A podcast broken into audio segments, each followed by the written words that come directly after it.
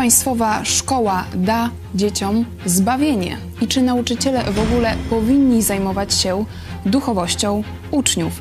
Już za chwilę nasz wywiad z nowym pełnomocnikiem Ministerstwa Edukacji i Nauki, doktorem Arturem Góreckim, a w drugiej części dyskusja z nauczycielami, pastorem Pawłem Machałą i Wiesławą Gazdą. To jest program Którędy do Nieba. Kornelia Chojecka, zapraszam.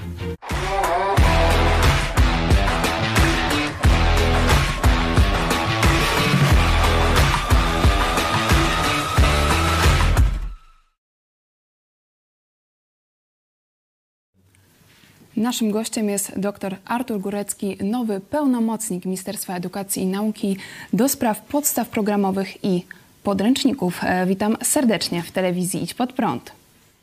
Dzień dobry Pani, dzień dobry Państwu.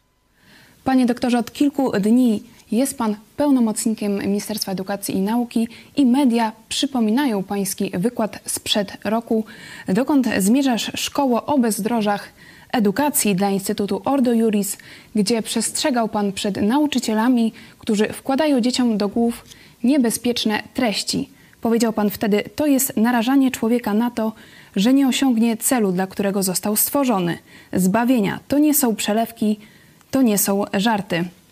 Panie doktorze, czy dobrze rozumiem, że jeśli dziecko ma złego nauczyciela w szkole publicznej, to może nie dostać się do nieba?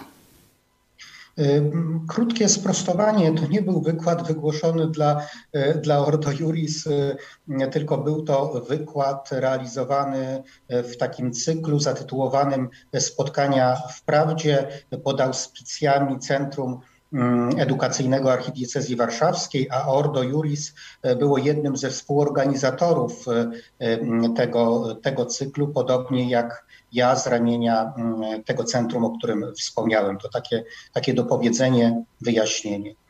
E, to, co pani pyta, jest oczywiście takim bardzo daleko idącym, e, idącym uproszczeniem i e, myślę, że, myślę, że trzeba byłoby sprawę mm, postawić w ten, w ten sposób.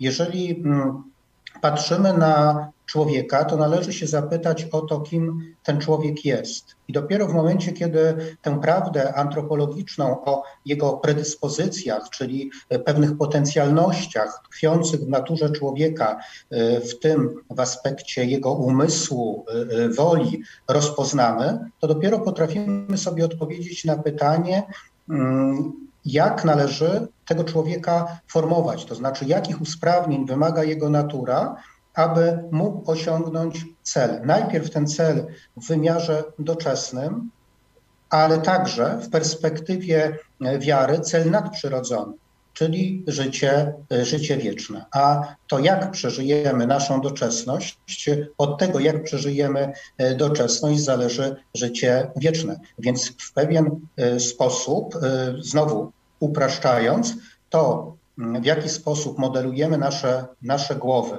czyli nasz obraz świata, e, jak ten świat rozpoznajemy, jakich wyborów dokonujemy, czy potrafimy rozpoznać dobro i zło, czym kierujemy się w naszym życiu, od tego zależy e, zbawienie. Panie doktorze, ale czy tym e, powinna się zajmować państwowa szkoła, żeby wskazywać młodym Polakom drogę zbawienia? Przede wszystkim wykład, który wygłosiłem, był wykładem dla środowisk szkół katolickich, co bardzo mocno podkreślam, czyli szkół, które mają określoną tożsamość. Co do istoty rozumienia edukacji, oczywiście E, moje, e, moje podejście z racji pełnionej obecnie funkcji e, się nie zmienia. Natomiast nie oznacza to w żadnym wypadku, mm, nie wiem, włączania konfesyjności w rozwiązania strukturalne proponowane dla, dla edukacji. Troską pana ministra jest to, aby funkcjonujący system edukacyjny na poziomie E, szkół podstawowych, e, szkół zawodowych, szkolnictwa średniego był systemem, w którym uczniowie otrzymują to, co rzeczywiście jest im potrzebne dla właściwego ludzkiego, osobowego rozwoju, zarówno w tym aspekcie kształceniowym, jak i w aspekcie wychowawczym. I to jest przedmiotem troski ministerstwa w tej chwili. Panie doktorze, koordynuje Pan pracę zespołów, które rozpoczną przegląd podręczników pod kątem treści. Na pierwszy rzut idzie język polski, później wiedza o społeczeństwie i historia. Moje pytanie dotyczy kryterium. Co będzie tym kryterium wyznacznikiem, jeśli chodzi o przeglądanie treści podręczników, czy może teologia katolicka? Y, nie, każda, jeżeli już znowu wchodzimy na, w obszar teologii katolickiej, akurat y, nauka Kościoła katolickiego y, w tym względzie jest bardzo jasna i umie odróżnić porządek poznania naturalnego od porządku poznania nadprzyrodzonego. Tych porządków ze sobą nie miesza. Każda z nauk ma swój przedmiot poznania, swoje metody. I, I w ramach y, tutaj specyfiki y, tychże poszczególnych nauk się poruszamy. W sensie merytorycznym właśnie tym kryterium są owe, owe metody, jest sam przedmiot poznania, którym zajmuje się dana nauka i poprawność stosowanych tam mm, rozumowań, później sposób przedstawiania tych treści, y, czy jest on adekwatny do, do, wieku, do wieku uczniów, ich, ich percepcji. Mm, to są, to są te kryteria, kryteria merytoryczne, które są stosowane, powinny być stosowane przy ocenie wszelkich pomocy dydaktycznych, z których korzystają uczniowie, a szczególnie takich, jakimi są podręczniki, czyli y, narzędzia dydaktyczne, które są niejako certyfikowane, czyli dopuszczane do użytku przez Ministerstwo Edukacji i Nauki. Panie doktorze, jeszcze wracając e, do sprawy zbawienia, o której mówił Pan na wykładzie z zeszłego roku, chciałam zapytać, bo w chrześcijaństwie zachodnim można powiedzieć mamy dwie główne e, koncepcje. Zbawienia katolicka, która w uproszczeniu mówi, że do zbawienia e, potrzebne są sakramenty plus wiara w Jezusa plus tak zwane dobre życie, później czyściec, a dopiero później perspektywa nieba i protestancka droga zbawienia, która mówi, że do, do tego, żeby dostać się do nieba, wystarczy tylko uwierzenie w to, co Jezus zrobił dla nas na krzyżu Goldgoty. Którą koncepcję, jeśli chodzi o zbawienie, miał Pan na myśli, mówiąc o potrzebie tego na wykładzie organizowanym przez m.in. Instytut Ordo Juris? Tu już oczywiście wkraczamy w zupełnie e, inny obszar dyskusji, dyskusji teologicznej, którą z okazji e, jakby innego, e, innej okazji spotkania, innego tematu bardzo chętnie, bardzo chętnie podejmę. Natomiast no, z racji mm, na fakt, iż tutaj powodem wywołania tej, tej rozmowy mm, jest to, iż jestem osobą, która w jakiś sposób koordynuje pracę zespołów e, w obszarze podstaw programowych, e, podręczników e, z ramienia pana ministra. Nie bardzo widzę, nie, nie bardzo widzę zasadność tutaj wchodzenia w tę, w tę, w tę dyskusję. Jestem, jestem katolikiem i oczywiście z racji mm, na ten, na ten fakt przyjmuję nauczanie Kościoła katolickiego. Panie doktorze, jak to pogodzić z artykułem 48 polskiej konstytucji, czyli zasadą ochrony władzy rodzicielskiej, gdzie czytamy, że rodzice mają prawo do wychowywania dzieci zgodnie z własnymi przekonaniami. Jak to pogodzić z tym, że chce Pan promować wartości katolickie w polskiej edukacji? Co z rodzicami dzieci na przykład ateistów, protestantów prawosławnych? Właśnie dokładnie, dokładnie temu zaprzeczyłem, to znaczy zaprzeczyłem temu, że w jakikolwiek e, sposób e, chcę mm, przekładać wprost e, kwestie wynikające z mojej wiary na jakieś decyzje odnośnie podstaw programowych i podręczników. Jestem osobą, która od bardzo wielu lat w swojej działalności edukacyjnej, e, e, także promującej pewien typ, model edukacji, e, podkreśla to, że pierwszymi wychowawcami dzieci są rodzice.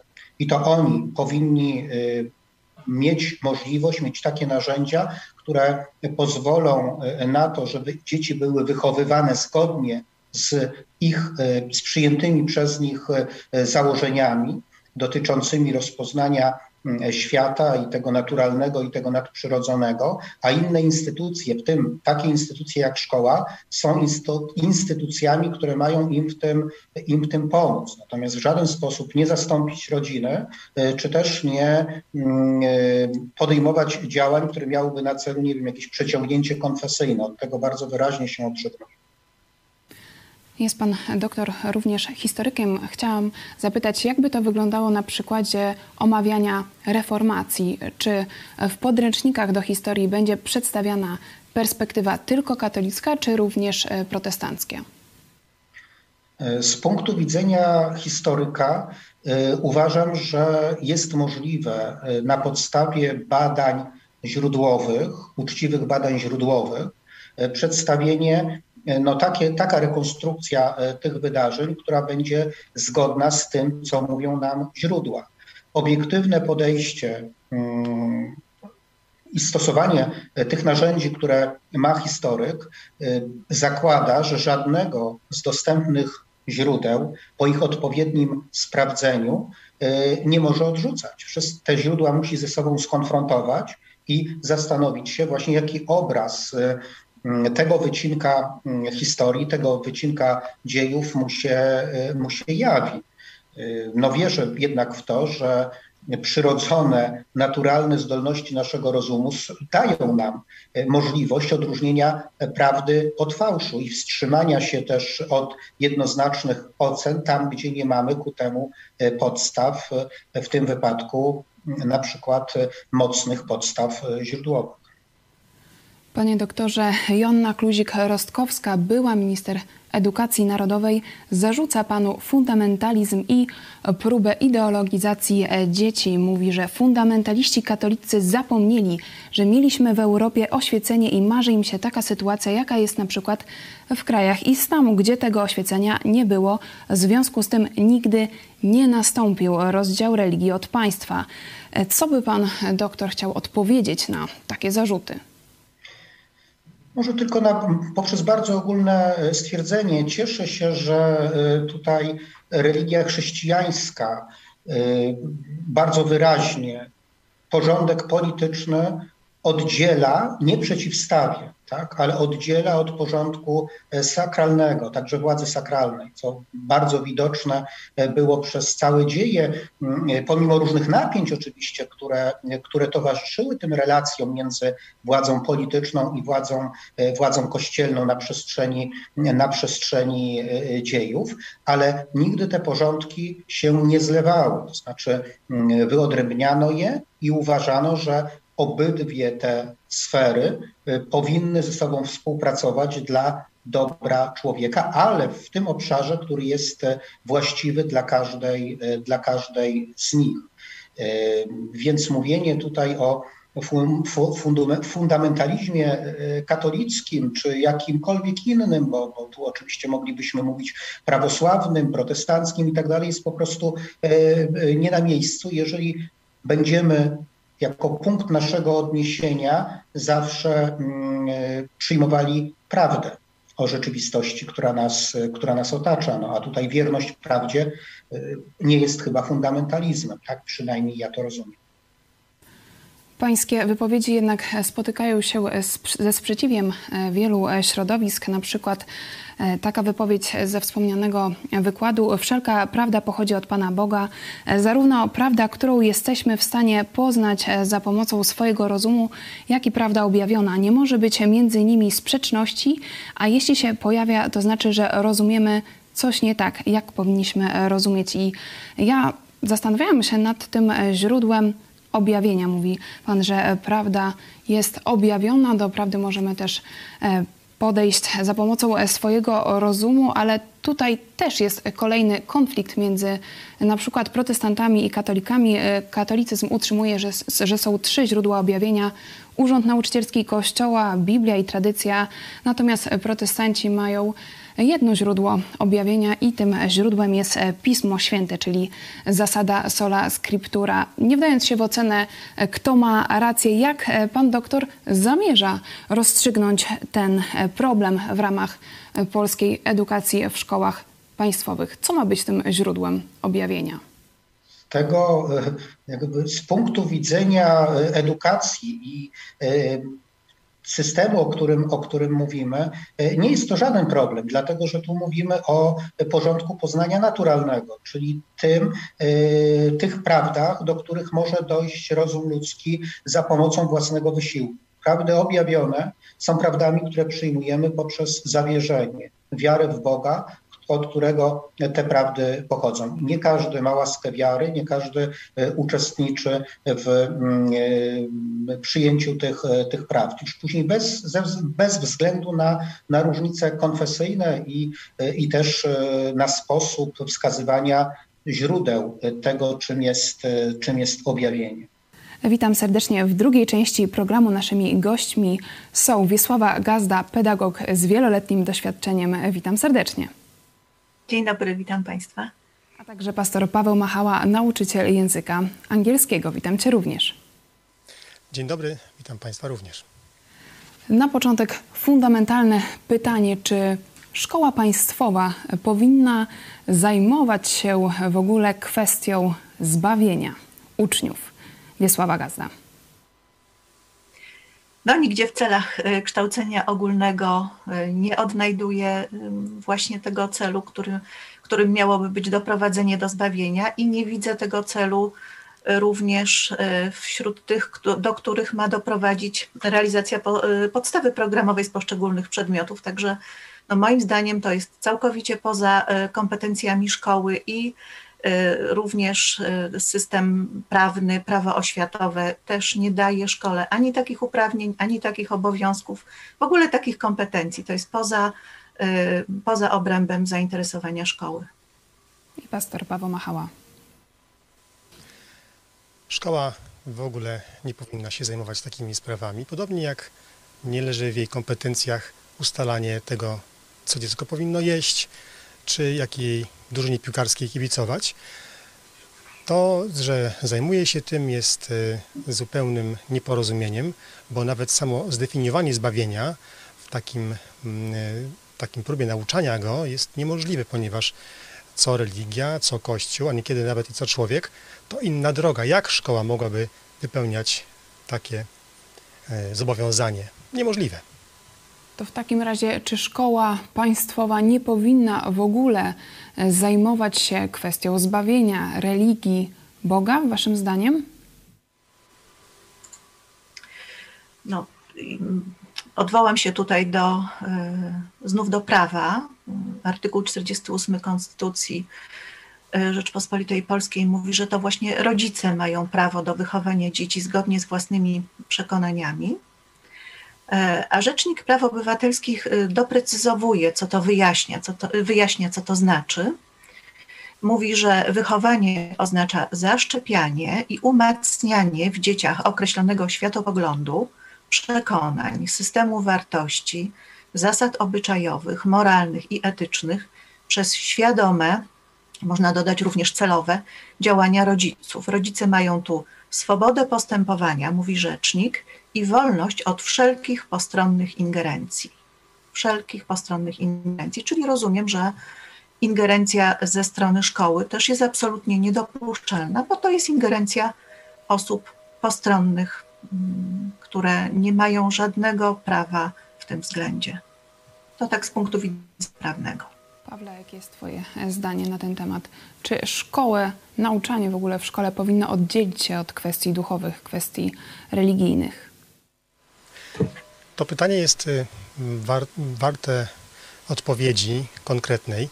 E, najogólniej rzecz biorąc, powinno, powinna szkoła spełniać te funkcje, które jej powierzono. Tak jak mówi właśnie Wiesia, która jest doświadczonym urzędnikiem, e, właśnie pracującym do niedawna w szkolnictwie państwowym. E, szkoła podlega pewnym zasadom i, co bardzo ważne, o czym niekiedy zapominamy nawet my, podatnicy, jest opłacana z pieniędzy podatników. To oznacza, że powinna skoncentrować się na tych rzeczach, na nauczaniu tych rzeczy, co do których zasadności, no przynajmniej taka znacząca, jeśli nie ogromna większość podatników nie będzie miała zastrzeżeń. Jakiekolwiek próby przejęcia szkoły przez jakąkolwiek religię czy światopogląd, wbrew tym, którzy na tę szkołę łożą, uważam za karygodne, za coś no, niedopuszczalnego.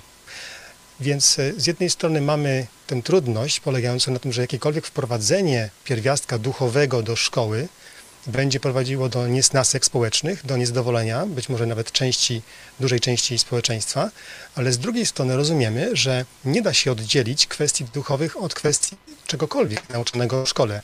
Stąd uważam, że powinno się, szkoła powinna skoncentrować się na tym systemie wartości, co do którego ogromna większość ludzi nie będzie miała żadnych zastrzeżeń. Żyjemy w kraju, który jest definiowany jako chrześcijański, czy to prawda, czy nie, to inny temat, ale mm, w kraju, w którym takie wartości są, takie jak na przykład przedstawione w dekalogu, są mm, od dawna i od bardzo dawna przestrzegane. Myślę, że to powinno mm, wystarczyć e, szkole, żeby e, dopasowując program nauczania do tego, co, e, co w Polsce działa już od dawna, czyli do chrześcijaństwa, to się udało. Ale powtarzam, najważniejsza rzecz, szkoła nie ma prawa występować przeciwko, po pierwsze, podatnikom, którzy ją utrzymują, a po drugie przeciwko władzy rodzicielskiej, bo to oczywiste, choć warto przypomnieć, wychowanie w kwestiach duchowych należy do rodziców. Chciałam Was zapytać, jak to było w Waszym przypadku. Jesteście gorliwymi chrześcijanami, protestantami i jak Wy sobie radziliście, żeby łączyć te funkcje? Wierzycie w Boga, w Jezusa Chrystusa, a z drugiej strony jesteście nauczycielami. Jak sobie radziliście, żeby pogodzić te dwie funkcje, można powiedzieć, tożsamości Wiesława Gazda? no bardzo y, mocno przestrzegałam właśnie tego, że za wychowanie, rodzi- za wychowanie dzieci i za y, to, w co wierzą, odpowiadają rodzice, i starałam się obiektywnie przedstawiać pewne, no, na lekcjach polskiego ja uczyłam tego przedmiotu, są tematy związane z Biblią, więc mówiłam rzeczy, które nie były sprzeczne z tym, co do czego byłam przekonana. Natomiast były to jakby rzeczy z podstawy programowej, które jakby obiektywnie wynikały z, omawianych tekstów biblijnych, także tutaj nie miałam żadnego dylematu. Y, jeśli chodzi o pewne teksty pomocnicze w podręczniku do języka polskiego, na przykład związane z takim nurtem tak zwanej krytyki biblijnej, no to ja mówiłam, że tu jest właśnie taki tekst, można się z nim zapoznać, ale też mówiłam, że są, y, że funkcjonują jakby inne sposoby odczytywania Biblii, tak żeby dzieci miały jakby pewien, pewien obraz, jak, to, jak ta rzeczywistość wygląda, że to, nie jest, że to nie jest jedyna prawda to, co ten tekst pomocniczy w podręczniku y, przedstawia. I tak mi się wydaje, że tak właśnie powinno być, że szkoła powinna uczyć tego, co jest y, weryfikowalne na temat rzeczywistości naturalnej i powinna, jeśli gdzieś już y, pewne teksty czy, czy punkty programu szkolnego zahaczają o, o sprawy światopoglądu, to powinna przedstawiać pewien, pewne, pewne spektrum tych, tych właśnie poglądów, bez jakiegoś wartościowania, nie? Żeby, żeby tu jakiś taki pełniejszy obraz się pojawił. No ale to jakby powinno w ogóle zejść na margines, albo nawet powinny te sprawy światopoglądowe mm, zupełnie, no nawet ich przedstawianie moim zdaniem powinno należeć do rodziców.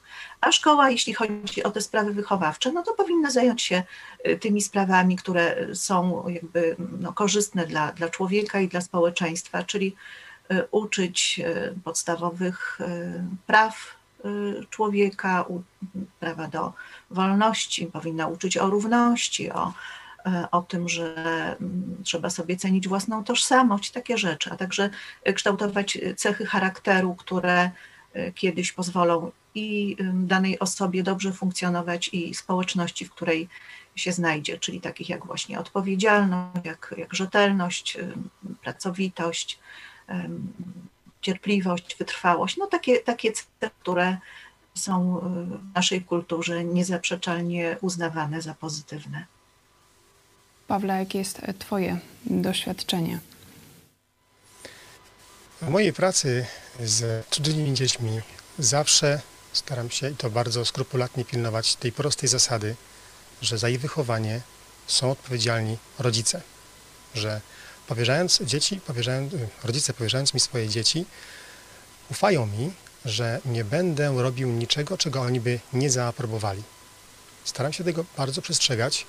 Nie, nie sądzę, żebym był w tym e, idealny, e, ale z drugiej strony uważam też, że nauczyciel, który mm, prezentuje światopogląd, który ma przedstawić dzieciom ścieżki wyboru, bo tak przecież to powinno moim zdaniem wyglądać. No, edukacja państwowa, jeśli już w ogóle musi to to istnieć, co do czego mam też pewne zdanie.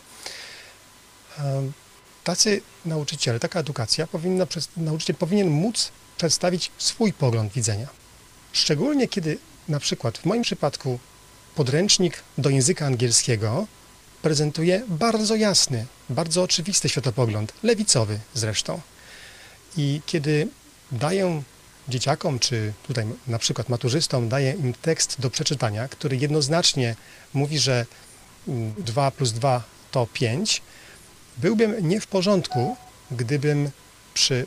Oczywiście mam swoje poglądy, pewnie różne od innych, ale gdybym nie przedstawił swojego poglądu. Dlaczego? Ponieważ nie jestem maszyną. Do tej pory nauczanie jest w rękach żywych ludzi, którzy mają żywe poglądy i y, nie można im włożyć w usta, nie powinno się im w usta wkładać mm, tego, czego, z czym się nie zgadzają. Jeśli chodzi o nauczyciela, myślę, że taki nauczyciele, myślę, że sporo nas takich, sporo nas, naszych, naszych widzów jest w takiej sytuacji, myślę, że dobrze jest pamiętać, że nie ma nic złego w wyrażeniu swojej opinii w sposób nie narzucający się, nie powodujący dyskomfortu e, u, no szczególnie młodzieży, bo może z dziećmi jest to jeszcze bardziej trudne. Ale by, bywało, może nawet nie raz, że trafiłem na dywanik, ponieważ e, ktoś miał uwagi, na przykład do tego, że, że uczeń po lekcji został, żeby mnie zapytać o coś więcej, a ja mu no, troszeczkę, że tak powiem, naiwnie y, odpowiedziałem szczerze. I rodzice potem pojawili się w szkole, bez, nie, u, nie u mnie, ale u dyrektora i musiałem na, typo, na takim przysłowiowym dywaniku stanąć. Myślę, że to jest bardzo ważna kwestia, którą poruszyłeś, że nauczyciel nadal jest człowiekiem i ma prawo wyrazić mm, swoje poglądy, oczywiście nie zmuszając do tego nikogo. Wracając do rozmowy z doktorem Arturem e, Góreckim, e, chciałam Was zapytać o to kryterium prawdy, bo tutaj doktor Górecki mówi, że tym punktem odniesienia powinna być prawda o rzeczywistości. Mówi o tym też w kontekście kryterium oceny podręczników, czym zajmuje się w Ministerstwie Edukacji i Nauki co ma być prawdą? Jak, jak rozpoznać, czym jest prawda, jeśli mówimy o ocenie podręczników i ocenie systemu edukacji? Wiesława Gazda. No to tak pięknie brzmi, że aż chciałoby się, aż chciałoby się więcej, ale no wiemy, wiemy, że rzeczywistość przeważnie wygląda inaczej niż e, ideolodzy to zakładają. Oni wszyscy chcą naszej, naszego dobra i, i, i szczęścia. Tymczasem no wygląda to tak, że chcą nam narzucić swój, swój pogląd. Ja tutaj, jeśli tak bardzo rzeczywiście y, do prawdy dąży mm, pan pełnomocnik, czy, czy w ogóle e, osoby związane z obecnym Ministerstwem Edukacji i Nauki, to ja tak, taki prosty test proponuję, żeby dopuścić do uczciwej debaty na przykład kreacjonizm, ewolucjonizm, żeby te e, oba stanowiska były równoprawnie reprezentowane, żeby się można było posługiwać argumentami i na ten temat w ogóle rozmawiać, dyskutować, to, to, to jest jakiś taki sprawdzian pierwszy na przykład. Czyli test dla Ministerstwa Edukacji i Nauki. Pawle, skąd mamy wiedzieć, jaka jest prawda? To jest bardzo ważna kwestia, bo mówimy o edukacji młodych Polaków? To trudne pytanie i e, mógłbym się nawet trochę cieszyć e, z tego, że jakiś e, bardzo sympatyczny i rzetelny, jak widzę, urzędnik państwowy, na przykład w osobie pana pełnomocnika, zajmuje się tym, co jest prawdą i czego, jakiej prawdy będą uczone moje dzieci. Jednak nie czuję się bezpiecznie w tej sytuacji. Trochę jak powiedziała Wiesia, kryterium prawdy jest nie takie oczywiste, jakby się chciało to dużo trudniej wprowadzić w praktyce niż brzmi w takich gładkich słowach, w gładkich deklaracjach. Z jednej strony bowiem e, prawdą e, mamy prawdę rzeczywiście zmierzalną, prawdę związaną z bardzo szeroko zakrojonymi badaniami, czy to historycznymi, językowymi, e, z dziedziny nauk ścisłych. Są tam rzeczy, które nie podlegają dyskusji, przynajmniej na takim obecnym etapie poznanie rzeczywistości. mogą być kwestionowane, ale tylko w sposób łagodny i, i taki, żeby nie naruszały status quo, które jest w nauce, mm, ono się zmienia, ale jedna, jest jednak ważne.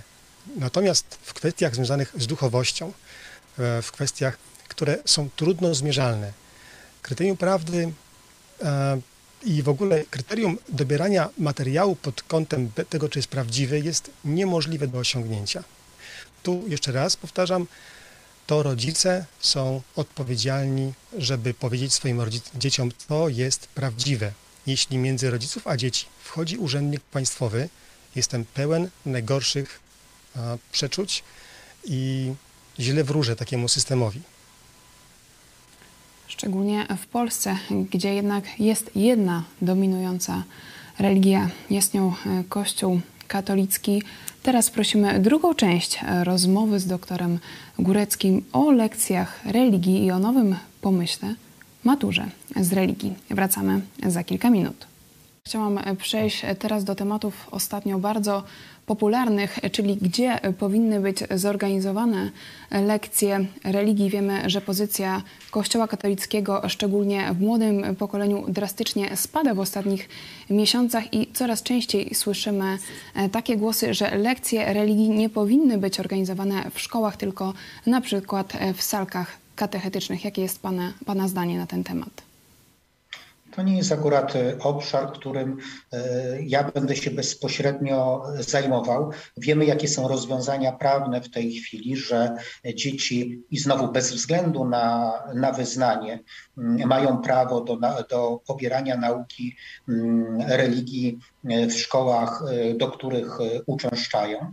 I wydaje mi się, że jest to sytuacja, której warto, warto bronić biorąc pod uwagę, że inne rozwiązania, które mogłyby się wydawać z jakichś powodów wygodniejsze y, dla części środowisk czy części osób, jednak w wypadku niektórych dzieci no, mogłyby oznaczać to, że pojawią się poważne trudności w pobieraniu przez te dzieci nauki religii, wyznania, do którego, do którego należą oni i ich rodzice. Czy będziecie dążyć jako Ministerstwo Edukacji i Nauki, żeby lekcje religii pojawiały się raczej na początku lub na końcu zajęć? To znaczy, w tej chwili Ministerstwo Nauki nie określa takich e, takich kwestii jak miejsce danego przedmiotu w rozkładzie, w, w, planie dnia przygotowywanym przez, przez dyrektora. Jest to autonomiczna decyzja dyrektora każdej ze szkół i biorąc pod uwagę uwarunkowania, które, które panują tam, dostępność nauczycieli, wszystkie inne, inne czynniki, nauczyciel, dyrektor szkoły konstruuje plan, plan zajęć i w tym planie zajęć umieszcza wszystkie zajęcia, wszystkie lekcje, które są e, przewidziane e, w ramowych, e, w ramowych planach. A co z dziećmi, które nie chodzą na religię katolicką?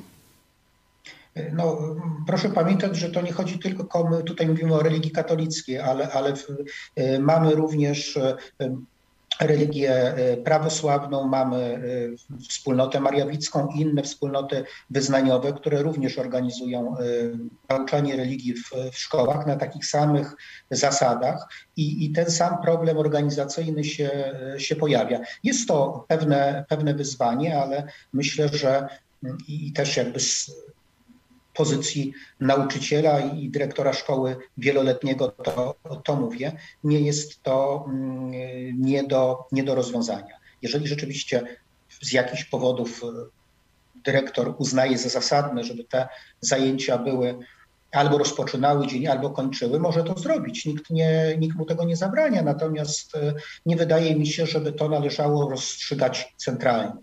Jestem zwolennikiem zasady pomocniczości, która oznacza to, że każdy e, e, poziom powinien sobie radzić w tym zakresie, w którym jest sobie w stanie poradzić z wyzwaniami, które przed nim są stawiane, a instytucja wyższego szczebla wkraczać tylko wtedy, kiedy już te e, możliwości zawodzą.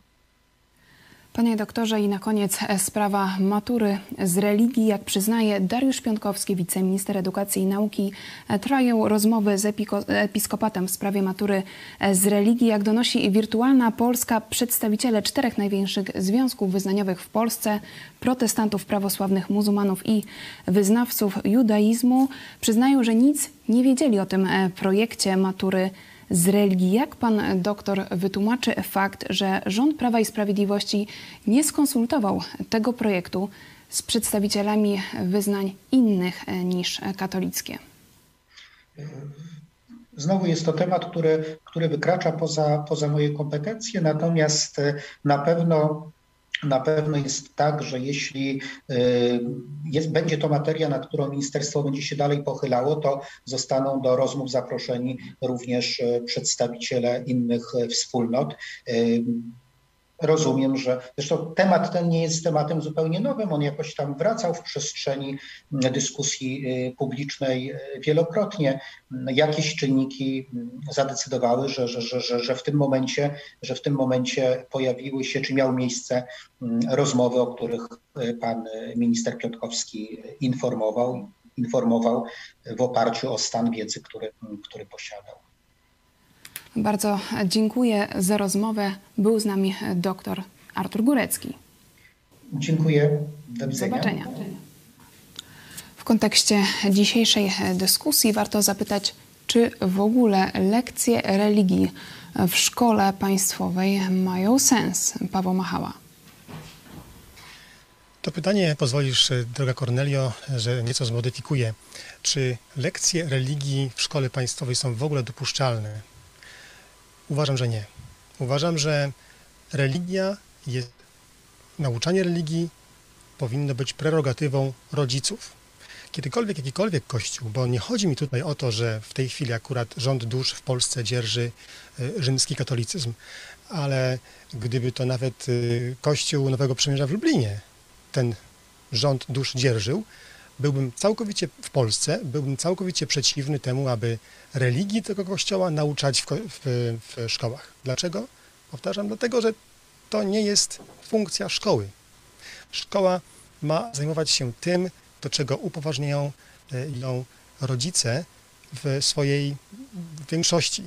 A po drugie, e, uczenie religii zawsze będzie źródłem e, tej, na przykład katolickiej, zawsze będzie źródłem konfliktów Misnasek i w końcu wyjdzie na to, jak zawsze, że nie chodzi tak naprawdę o to, żeby dzieci czegoś się nauczyły, to wiem o tym w tym przypadku, ale żeby przyzwyczaiły się do obecności danego kościoła w swoim życiu. I e, myślę, że obiektywnie patrząc na to, co się dzieje na lekcjach religii w szkołach państwowych, jakie skutki one e, mają na, e, czy już, już właściwie odniosły na charakterach młodych e, dzieci, ich postawie, widać, że e, dzieci lekceważą kwestie religijne, tym bardziej, im bardziej religia wkracza tam, gdzie nie powinna.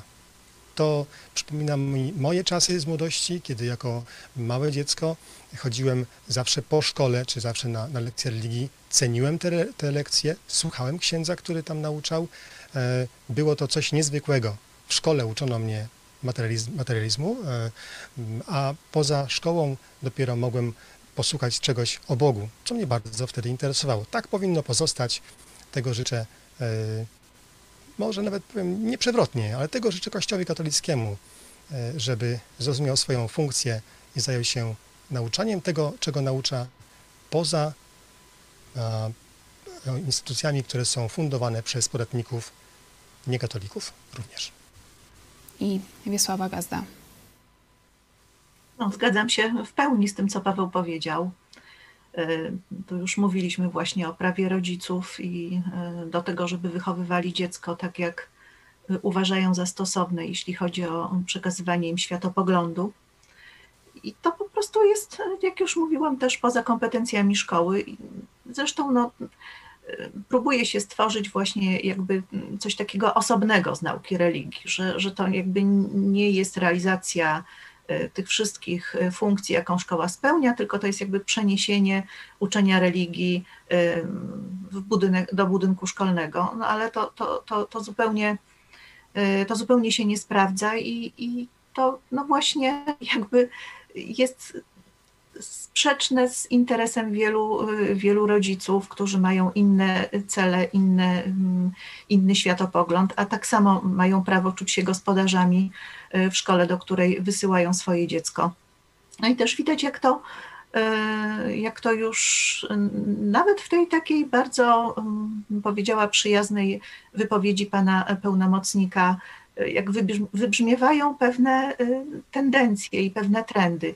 Ja sobie tutaj zapisałam, że jeśli z jakichś powodów dyrektor uzna za zasadne y, umieszczenie w y, rozkładzie dnia lekcji religii na początku albo na końcu, no jakież to są te jakieś powody? No to są po prostu nasze dzieci, które posyłamy do szkoły i które w tym momencie są wyrzucane poza nawias. Nie? I, I, to z, i z jakichś powodów. I, I takie stwierdzenie, że nikt dyrektorowi nie zabrania. No, no jeszcze by tego brakowało, prawda, można powiedzieć. Także no, ewidentnie jest to stawianie e, religii rzymskokatolickiej na uprzywilejowanej pozycji ale to zupełnie właśnie nie o to chodzi, bo tego po prostu w szkole nie powinno być, tak jak, jak Paweł mówił. To powinno się, y, jakakolwiek by to nie była religia, y, jej nauczanie powinno się odbywać poza szkołą publiczną. I rzeczywiście sama tego doświadczyłam, że często lekcje religii były w trakcie zajęć i wtedy po prostu musiałam czekać, ale nie była zapewniona opieka dla dzieci, które nie chodziły na lekcje religii katolickiej. Paweł Machała. Chciałbym jeszcze raz podkreślić, że mm, ja rozumiem mm, i widzę rzetelność pana pełnomocnika. Mm, widzę jego troskę o to, aby e, w procesie nauczania były uwzględnione rzeczy bardzo istotne. Nawet osobiście uważam, że najistotniejsze budowa, budowanie charakteru, budowanie e, światopoglądu opartego o sprawdzone wartości. Ale obawiam się, że Pan pełnomocnik jest przedstawicielem tego rodzaju myślenia, wychowanego, wyhodowanego, jeśli tak mogę powiedzieć, na gruncie Rzym, Kościoła rzymskiego, że, które polega na tym, na to myślenie zasadza się do takim twierdzeniu, czy, czy podejściu do ludzi, że należy ich wtłoczyć w pewne ramy, że należy przyzwyczaić ludzi do, do właśnie wyznawców danej religii, do wszechobecności tej religii i że takie narzucanie, narzucanie zasad czy moralności może iść na szczeblu państwowym również.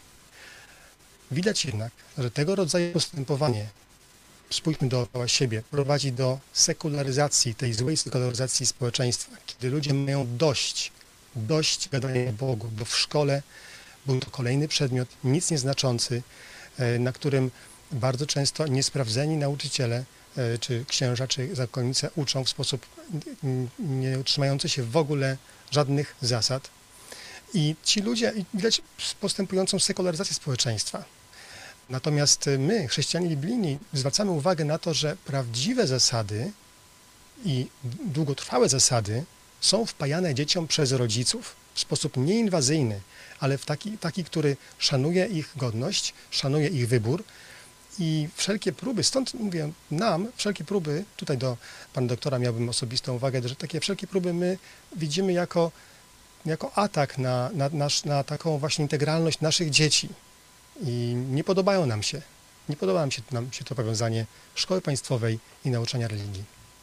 I tutaj widać, że to postępuje. Najpierw lekcja religii wróciła do e, szkół, później ocena z religii została włączona do średniej, a teraz planuje się maturę z religii i w tym temacie wypowiedziała się diakon Ewa Below z Kościoła Luterańskiego w rozmowie z Wirtualną Polską.